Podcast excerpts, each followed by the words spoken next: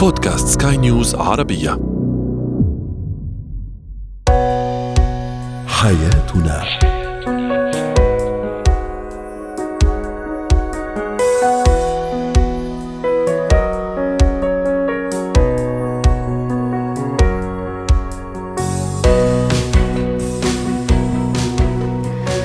معكم آسيا البشارة أحييكم وأرحب بكم في حياتنا. نناقش فيه شؤون حياتكم بكل تفاصيلها ومختلف مجالاتها. العنف الاقتصادي بين الزوجين الطفل الذي يمشي ويتكلم أثناء نومه وإتيكيت التعامل مع نادل المطعم مواضيع اليوم في حياتنا. يمكنكم الاستماع إلينا في أي وقت ومن أي مكان عبر موقع سكاي نيوز عربية ومختلف منصات البودكاست. هو وهي. في إطار اليوم العالمي لمناهضة العنف ضد المرأة نركز اليوم في حياتنا على العنف الاقتصادي تحديدا. ذلك النوع من العنف الذي تتعرض له أكثر المرأة باعتباره أحد مظاهر العنف المنتشرة وقد يكون ممارس هذا العنف شريكها في الحياة. تنضم إلينا الاختصاصية النفسية والأسرية الدكتورة لما الصفدي. أهلا بك دكتورة لما. إذا للعنف الاقتصادي أشكال عديدة وطرق مختلفة لممارسته لإحكام الخناق حول رقبة المرأة أو الزوجة. تحديدا بداية لنشرح للمستمعين ماذا نعني بالعنف الاقتصادي داخل الأسرة. العنف الاقتصادي هو عبارة عن السيطرة على المرأة أو وجودها عن طريق الحد من أنه تكون هي متمكنة ماديا واقتصاديا إن كان اكتفاء مادي أو إن كان سيولة معينة ل يعني تحقيق حتى أبسط احتياجاتها المادية. وهو للأسف ربما هذا العنف يعني التجارب الواقعية هو لا يقتصر فقط على الزوجة. يعني أكثر ربما حتى التجارب اللي أنا أراها هي حتى أحيانا ممكن يكون في يعني ما تكون ما زالت في منزل أهلها. فيتم ممارسة هذه الضغوط عليها لعدة أهداف، اولا مثلا ترغيبها في الزواج بعمر مبكر، آه النقطة الثانية للحد من إنه يعني حركتها أو التطور المهني أو الوظيفي. والنقطة الثالثة بأنه دائما الإنسان في هذا الزمن عندما يكون ليس لديه أمان مادي أو اكتفاء مادي فهو لابد أن يكون تابع لشخص آخر. هي أبرز الأسباب اللي هي بتدفع أي إنسان أنه يعني يتخذ العنف المادي كسلاح للسيطرة على الآخرين. في ماذا يتمثل تحديدا إذا تحدثنا إذا حصرنا هذا العنف داخل حالة الزوج والزوجة، هل مثلا الاستيلاء على راتب الزوجة، عدم الإنفاق، يعني قدمي لنا بعض الأمثلة لنشرح أكثر هذا العنف الاقتصادي. صحيح، أنا أرى هذه الأمثلة على أرض الواقع من خلال خبرتي اليومية بالتعامل مع الناس. اعطيك مثلا أمثلة احد الأزواج اللي هو يقوم لا وهي ممكن يكون عندها راتبها ولكن ممكن يكون عندها التزامات مادية يعني تفوق حتى الراتب اللي هي بتستلمه ويقوم الزوج بالحد من أي مصاريف هو ممكن يقوم بدفعها لأنه هو يعتقد بأنه المبلغ اللي بتاخذه من راتبها هو يكفيها ويكفي الأولاد فبالتالي دائما هي في حالة عوز وحالة أنه هي يعني متوقفة عن أي تطور بالحياة. في حالات ثانية الزوج هو صاحب الدخل الوحيد ولكن يعني يمكن كما يقال في العامية في القطارة. يعني المصروف لا يتعدى الاحتياجات الأساسية وهو مصروف ثابت لا يتغير ولا يتبدل وفقا للظروف أو غلاء الأسعار أو المناسبات. وبالنقطة الثانية بأنه أحيانا أسوأ هي أنواع خلينا نسميها الإذلال هو إنه أحيانا في بعض كثير من الحالات اللي أنا بشوفها الزوجة ممكن تأخذ أسلوب أسبوع أو عشر أيام حتى الحصول على المبلغ. أسلوب الترجي المستمر وهون دائما هذا الشخص ما بيكون سوي على الأغلب هو شخص بيعاني من اضطرابات نفسية ممكن أبسطها النرجسية وأكثرها اضطرابات متنوعة من هوس ثنائي قطب انفصام يعني بيكون هو ردة فعل عن اضطراب نفسي هو بيعيشه. طيب لدي سؤال دكتورة لما لماذا تقبل النساء بهذا النوع من العنف؟ بعيدا عن كون هذا النوع من العنف أحيانا لن يكون لديه دليل مادي. إذا كنا سنقول يجب أن تلجأ مثلا إلى القضاء لكي ينصفها ولقانون بلدها لكي ينصفها. لكن بعض النساء ربما يعتبرن أن هذا العنف هو نوع من المشاكل الأسرية العادية. لماذا هناك هذا هذه الثقافة؟ بقبول هذا النوع من العنف الاقتصادي؟ أكيد. سؤال جميل. القبول هو عبارة عن إلى مد إلى أي مدى هناك سند. يعني إحنا بنعرف اولا إذا هي كانت موجودة مبدئيا في بيت أهلها فلا حول ولا قوة هي تحت سطوتهم. ودائما هي الإنسان كل ما يراه في منزل أهله يعتقد بأنه هذا هو الواقع. يعني كل الناس عايشين مثل ما أنا عايشة فبالتالي هي دائما عندها من الداخل قبول للحياة. لو كانت في منزل زوجية بيكون عندها عدة خيارات من القصص اللي بتشوفها آخر قصة حاليا موجودة اللي هي يعني نفس الأسلوب عنف مادي واصل إلى أقصى الاحتمالات لدرجة إنه ممكن يكون المصروف خمسة أو عشر دراهم مثلا. يعني يعني يمكن الطفل الصغير لا يقبل فيه. آه الثمن بإنه هو الأطفال.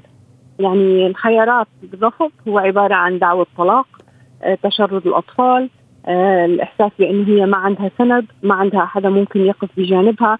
وأهم نقطة بأنه الزوج اللي بيمارس العنف المادي هو من الأساس مدرك بأنه هي ليس لديها أمان مادي. هي بحاجته. لذلك هو القوي. يعني الزوجات نحن ليش دائما أكثر نصيحة تردد وتردد بأنه مهما كان الزوج مكتفي ماديا لابد أنه الزوجة يكون عندها عمل مشروع فكرة أمان مادي أي مستوى مادي معين بيضمن لها حياة كريمة لو مهما حصل في الظروف أو في الاحتمالات. فهون الموضوع السيطرة تكون لأنه هو مدرك بأنه هي ليس لديها خيارات أخرى. طيب بالنسبة للنساء اللواتي لا حول لهم ولا قوة ليس لديهم سند. لا يمكن أن يقبلوا بشتى أنواع العنف بسبب الموضوع الاقتصادي وأن ليس لديهم سند مالي. وكذلك هناك من يقول أنهن يجب أن أن يكون في صبر من أجل الأولاد. هنا ربما تصل هذه النقطة إلى نقطة إلى نقطة لا رجعة فيها إذا كان هناك موضوع العنف الاقتصادي. لكن هل يمكن أن تعوض الأم هذا في تربية أبنائها؟ أن يرفضوا هذا العنف لكي لا نورث كذلك هذه الثقافة للأجيال القادمة؟ أكيد آه هون الموضوع يصبح بأنه أكثر نصيحة نحن بنوجهها اليوم يمكن لك حتى لكل زوجة هي بتسمعنا بأنه لو كان ما تخشاه من تغيير يعني أحيانا نحن نقول الانفصال أو الطلاق أبغض الحلال عند الله ولكن إنه لما يكون في حالات أنا بشوفها مثلا الزوجة والأبناء عايشين بمستوى جدا جدا سيء من العوز والإذلال والاحلام غير المحققة، الأمنيات غير المحققة، فلا أكيد أحيانا الخيار لو كان الأسوأ هو موجود فلن يحدث أسوأ. يعني الأسوأ هو موجود هو موجود. الحياة اللي هم عايشينها فبالتالي لا المفروض إنه هي يكون عندها أفكار ثانية بإنه هي ممكن تختار حياة جديدة. تختار بأنه هي تبحث عن عمل آه، يكون لها إثبات وجودها حتى لو انهارت المنظومة الزوجية لأنه دائما نحن بنقول في خيارات في الحياة خصوصا إذا هذا العنف المادي حتى وصل للأطفال. يعني اليوم حتى رعاية الأطفال المؤسسات بتنادي بحقوق الطفل أيضا بتنادي بأنه الطفل يكون عايش بحياة كريمة وبركزوا على كلمة كريمة. يعني كريمة يكون مكتفي باحتياجاته الأساسية اللي هي الأكل آه الملابس يعني نحن ما بنحكي عن الرفاهية نحن بنحكي عن المتطلبات. الأساسيات. طب السؤال الثاني لو لا حول ولا قوة والقرار مرفوض البدء بالبحث بطرق وأفكار بأنه هي تكون إنسانة منتجة.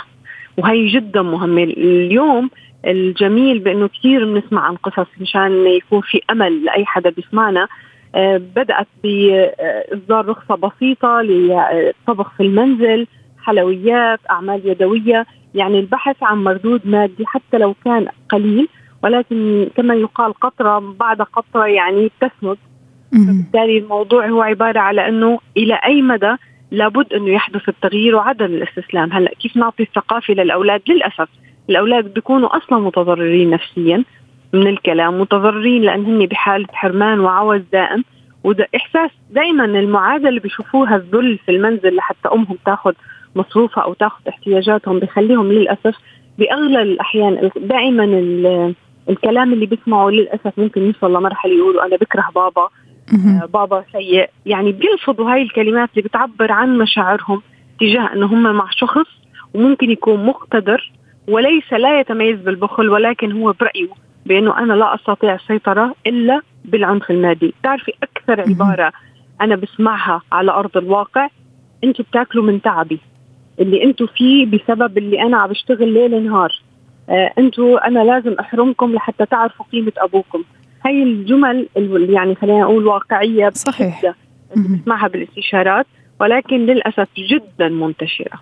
نعم للأسف. شكرا جزيلا لك الاختصاصية النفسية والأسرية الدكتورة لما الصفدي. زينة الحياة. هل صادفت عزيزي المستمع يوما شخصا يتكلم ويسير أثناء النوم؟ قد يبدو لك المشهد طريفا لكنه حين يحدث للأطفال قد يشكل هذا الأمر خطرا على سلامتهم، كيف نفسر هذا الاضطراب؟ هذا سؤال ستجيبنا عنه الاستشارية النفسية والتربوية الدكتورة ريم صابوني، أهلا بك دكتورة ريم. بداية طبعا هناك فرق بين الشخص الذي الطفل الذي يتكلم أثناء النوم والطفل الذي يسير أثناء النوم. ربما حتى الخطورة آه، تختلف بين هذين الحالتين. سؤالي هو آه، هل آه، هذا الأمر اضطراب ومتى قد يدعو إلى القلق؟ نعم يسعد لي أوقاتك عزيزتي وأوقات جميع المستمعين. الحقيقة انه هو عرض شائع بين الأطفال. آه نحن الآن لا نتحدث عن اضطرابات النوم نحن نتحدث عن عرض شائع يحدث بين الأطفال. الذي يحدث آه الأكثر شيوعا هو التحدث أثناء النوم وغالبا يحدث طبعا في مرحلة الطفولة المبكرة. إذا عم نحكي عن آه، مرحلة عمرية يعني تقريبا ما بين الأربع سنين لغاية العشر سنوات. يبدأ بينخفض تدريجيا من عمر ال 12 سنة يعني بعد البلوغ أو أثناء مرحلة البلوغ. آه لكن هو يعني رغم إنه غرابة الموضوع لكنه آه شائع كثيرا، نحن نتحدث عن الحديث أثناء النوم أو قيام ببعض السلوكيات أو الهلاوس الكلامية. لكن المشي يحدث آه، برضو بين الأطفال وأكثر انتشارا من البالغين وأقل شيوعا من فكرة التحدث أو الحديث أثناء النوم. الحقيقة أن المشي أثناء النوم يحدث في الساعة الأولى إلى الثانية من النوم يعني يكون الاستيقاظ جزئي. يعني ما بيحدث بالفترة اللي هو نحن نعتقد بأنه هي أحلام أو هو النائم يرى الأحلام بأنه يمشي. لا هو الحقيقة ما بيكون أصلا واعي فهو يكون في حالة الاستيقاظ الجزئي. وغالبا عند الأطفال قلنا بأنها تحدث بنسبة غالبا عند الذكور عن الإناث وأحيانا ترتبط بالتبول اللا إرادي طيب أنت تحدث بشكل متكرر أكثر يدعونا إلى القلق؟ إذا حدثت بشكل دائم متكرر إذا كانت تترافق مع هلاوس كلامية إذا كانت أيضا آه، تترافق مع أحداث يومية فيها ضغط أو توتر أو قلق وغالبا أثناء فترة الامتحانات. يعني إذا نحن كنا عم نراقب أطفالنا وسلوكياتهم في أوقات الضغط النفسي والعصبي وترافقت هي الحالة بشكل متكرر اذا هون نحن ممكن نقول بأنه هون نحتاج إلى تدخل. آه، نحتاج طبعا إلى العودة إلى الطبيب نحتاج إلى آه، يعني إبعاد مسببات التوتر أو الضغط العصبي أيضا عند الأطفال. وقد نحتاج إلى إلى إلى بعض يعني ما يدعو إلى إلى إلى النوم الهادئ إلى ما يساعد الطفل على النوم الهادئ. يعني مع التزامنا طبعا بروتين النوم الصحيح.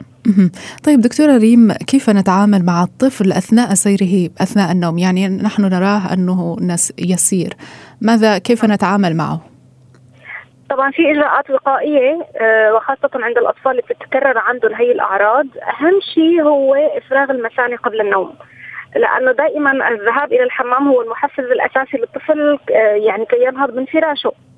آه، فحتى نحن نتجنب أي محفز يدعو الطفل إلى النوم. أول شيء نحن نكون مصرين على عدم يعني إعطاء الطفل أي سوائل قبل النوم آه، ماء حليب أي شيء بيستدعي إلى امتلاء المثانه قبل ساعة تقريبا من النوم أو ثلث ارباع الساعة آه، نحاول أن نقوم بروتين نوم آه، يومي ومستمر وهادئ. يساعد الطفل على النوم إخفاض الأضواء ويفضل عدم وجود أي ضوء ولو خافت حتى في غرفة الطفل. آه إذا حدث واستيقظ الطفل وحدث المشي أثناء النوم بكل هدوء نحاول إعادته إلى سريره ومن غير ما نفزعه أو من غير ما نخوفه أو نخضه أو نصحيه حتى لأنه غالبا الطفل عند العودة إلى فراشه يعني سيستسلم من النوم تماما.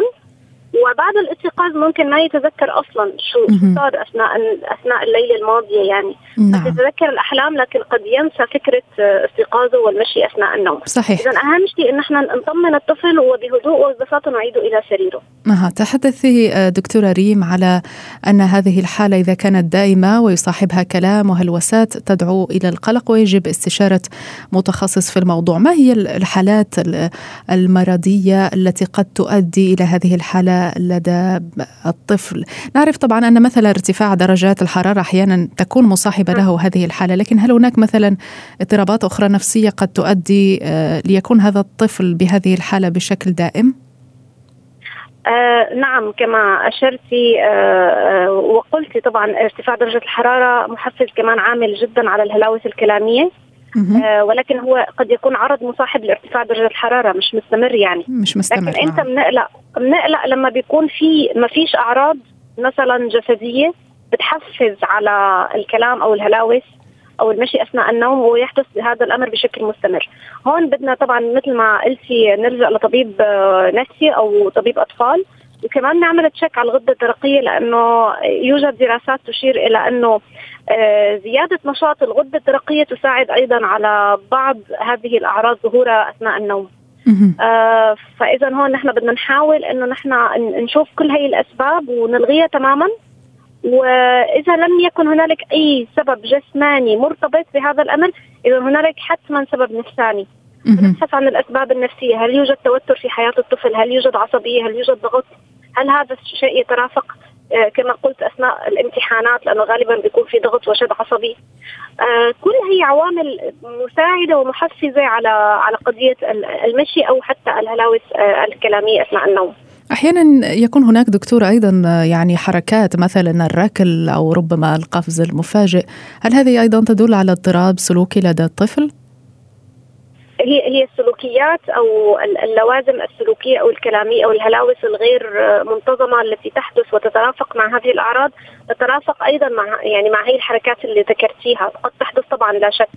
لكن آه، يعني هي مش شائعة كثير. الأكثر شيوعا هي سلوكيات غير منتظمة كلام غير مفهوم آه، قد يستمر إلى المشي أثناء النوم. وهو هم تكمن الخطورة طبعا لأنه نحن إذا ما كنا عندنا رقابة على الأطفال أثناء النوم آه، هم يعني لا سمح الله ممكن طبعا يحدث ضرر للأطفال. وكما قلت دائما آه، ننتبه إلى المحفزات. هل هنالك مثانه ممتلئة مثلا تحفز الطفل على المشي والتبول؟ لأنه قد يعني يكون بعد المسافة ما بين الحمام وسرير الطفل أيضا محفز على بعض السلوكيات اللي ممكن تؤدي إلى حدوث الضرر. فكمان هون نكون نحن واعيين وصاحيين للطفل آه، بحيث إنه آه، نساعده أثناء آه، استيقاظه ليلا. وربما أيضا دكتورة ريم يجب أخذ بعين الاعتبار قفل مثلا الأبواب وربما النوافذ لكي لا يكون هذا الطفل يعني يسير لا نعرف إلى أين سيتجه. صحيح تماما صحيح آه كما أشرت هي يعني هي حالات نادرة الحدوث آه إنه يتصرف في تصرفات تستدعيه إلى مثلا آه، لا سمح الله القفز أو الركل أو أو كما قلتي لكن مع ذلك طالما يحدث مشي أثناء النوم يبقى ناخذ احتياطاتنا اللازمة. آه, آه، نلاحظ بعد السرير عن الحمام آه نحاول نقلل المسافة. آه نقفل الأبواب تماما النوافذ طبعا لا شك. وكمان نترك ضوء خافت في الممرات للأطفال لحتى لا سمح الله لا يرتطموا مثلا يعني تحت بالجدار أو مع أي شيء. نعم. نعم صحيح تمام. شكرا جزيلا لك. نعم. مراقبة. لضيق الوقت. شكرا جزيلا لك على كل هذه النصائح والتوضيحات الاستشارية النفسية والتربوية الدكتورة ريم صابوني.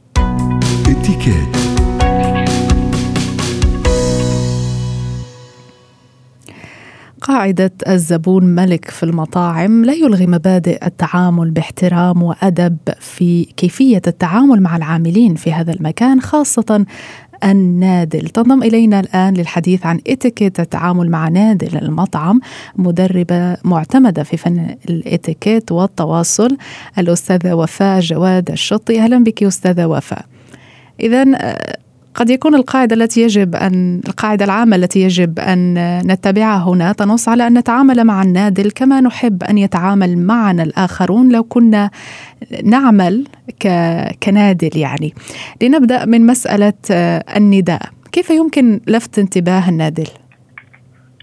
آه شوفي بداية يعني المفروض أن النادل اللي موجود يكون مدرب. وأكاديمي وعارف أن مجرد ما الزبون ينظر إليه أنه هو محتاجه.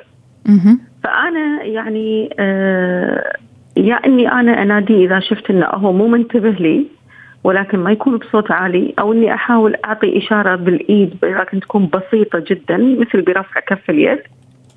آه إذا ما كان منتبه عشان أثير انتباهه. ولكن إني يعني هناك نشوف بعض العادات السيئة اللي هي التصفيق مثلا. أو انه يصرخ بصوت عالي أو إنه يأشر بإيده يعني يرفع اليد الذراع كاملة آه، للإشارة. هذه كلها تصرفات خاطئة فإحنا دائما يعني المتعارف عليه وكقواعد اتيكيت هو النظر للنازل فقط ومجرد ما يشوفني راح يعرف إن أنا محتاجة. طيب أثناء طلب الأكل كيف يجب أن تكون هناك قواعد؟ هل يجب التفكير ماليا وطلب يعني مناداة النادل والطلب مرة واحدة؟ هل هناك مسموح ان يكون مرتين؟ هل يجب تفادي أن نكرر نداءه من أجل طلب الطعام؟ آه شوفي دائما لما أبي أطلب الطلب آه لازم يكون إذا كنا مجموعه نكون نحن متفقين. نشوف المنيو ونقرر شنو الأطباق اللي نبيها وبعدين النادي النادل ونبتدي نطلب. يا إن إحنا نعين شخص واحد علشان ياخذ كل الطلبات يعني واحد من المجموعة اساين شخص معين إن أنت أطلب لنا بعد الاتفاق أو إن كل واحد يطلب طلبة لحاله. فلازم يكون إحنا متفقين وعارفين المنيو وقارينه ومختارين الأصناف لأن في النهاية النادل عنده شغل ثاني عنده طلبات ثانية عنده طاولات ثانية فهذا الوقت محسوب عليه. فإحنا لازم نراعي هذا الموضوع. وفي شغلة بداية يعني يمكن أنا بعد أحب إني أنوه لها. بداية تسجيلي لدخول المطعم. يعني يمكن تشوفين إن هناك الكثير من المطاعم في لستة ويتنج ليست صحيح. فيها الأسماء ويقعدون الناس بالدور كل واحد على حسب الطاولة. نعم. للأسف نشوف هناك بعض العادات السيئة والخاطئة أن الشخص يدخل مباشرة مجرد أنه يشوف طاولة فاضية يدخل وما يعير أي اهتمام حق الشخص المسؤول اللي واقف عند البوابة. هذه أيضا من الذوقيات أني أنا لازم أعرف من الشخص المختص اللي مسؤول عن الطاولات وأقول له أنا أحتاج طاولة أحتاج عدد هالكثر مثلا آه، أشخاص؟ وأيضا أنوه إذا كان معي طفل إذا كان معي احتياجات خاصة إذا كان معي كبار سن علشان يختار لي المكان المناسب. طيب ماذا عن مذاق الأكل إذا كان سيء؟ طبعا لا يجب تحميل المسؤولية للنادل. يمكن الاستفسار ربما بطريقة محترمة. أكيد. شوفي يعني في النهاية هو ليس الشخص الموجود في المطبخ. ودائما الأذواق تختلف. دائما إحنا نسأل النادل ما هو الطبق المفضل لديكم أو ما هو الطبق الأكثر مبيعا لديكم. وممكن إني أنا أيضا أسأله عن مكونات الطبق إذا ما كانت مكتوبة في المنيو. ما عجبني الطبق. أتكلم مع مسؤوله.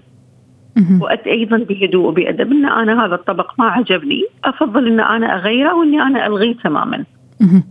طيب. لكن إني أنا أبتدي اصرف اوجه اتهامات أكيد لا. طيب أستاذة وفاء هناك البعض من كرمهم يريدون مضايفة النادل يعني أن يجلس معهم في الطاولة وأن يأكل معهم. وهناك أيضا بعض التصرفات التي تكون مثل طلب رقم النادل أو النادلة إلى أي حد هذا هذه مثل هذه التصرفات أه، غير مقبولة وغير محببة أه، داخل المطعم. وفي علاقة الشخص نعم. الزبون مع النادل.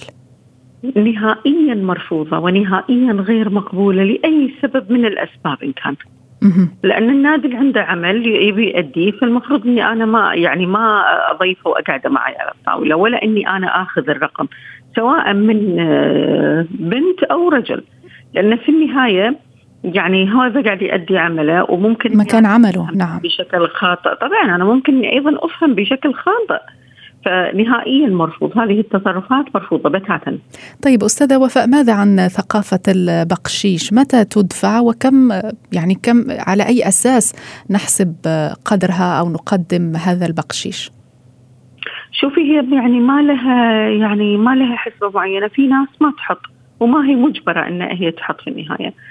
آه، وبعدين أنا إذا حبيت أني أحط يعني هني كل واحد هو كرمه ما نقدر إحنا نحط يعني مبلغ معين. في في ناس تقول 2% من قيمة الفاتورة في 3% من قيمة الفاتورة. فيعني هذا يعتمد على الشخص ومدى كرمه. طيب. لكن لما أي أحط البقشيش ما أعطي النادل في إيده. آه تمام. مع الفاتورة. يعني هذه نقطة كثير مهمة إن في ناس لا يطلعون وقدام الناس يستعرض اول بقشيش ويسلمه للنادل يدا بيد. هذا أهم غلط. أحطه مع الفاتورة واقدمه للنادل عشان أيضا لا احرجه ولا أحسس أن أنا تفضلت عليك في البقشيش. طيب أستاذة وفاء في دقيقة ما هي النصائح الأخرى التي تقدميها تقدمينها للأشخاص في تعاملهم مع نادل المطعم؟ آه أني أعطيه فرصة وأنا أطلب الأكل ما أطلب بشكل سريع بحيث إنه هو يقدر يسجل إذا كان النادل ما معه ورقة وقلم أطلب منه إنه يجيب ورقة وقلم عشان أتأكد إن الطلب أخذ بشكل صحيح أراجع الطلب مع النادل إذا عندي ملاحظات مثلا أفضل الأكل من غير بصل أفضل الأكل من غير ملح هذه الأمور كلها أشرحها له واوصيه وأقول له شنو هي احتياجاتي. علشان ما يحدث أي آه، خلاف. وأيضا إذا شفت الأسعار مو موجودة أطلب عشان أعرف الأسعار. لما منذ البدايه ما أفاجئ بالقيمة. أي نعم. نعم. شكرا جزيلا لك الأستاذة وفاء جواد الشطي المدربه المعتمده في فن الإتيكيت والتواصل حياتنا.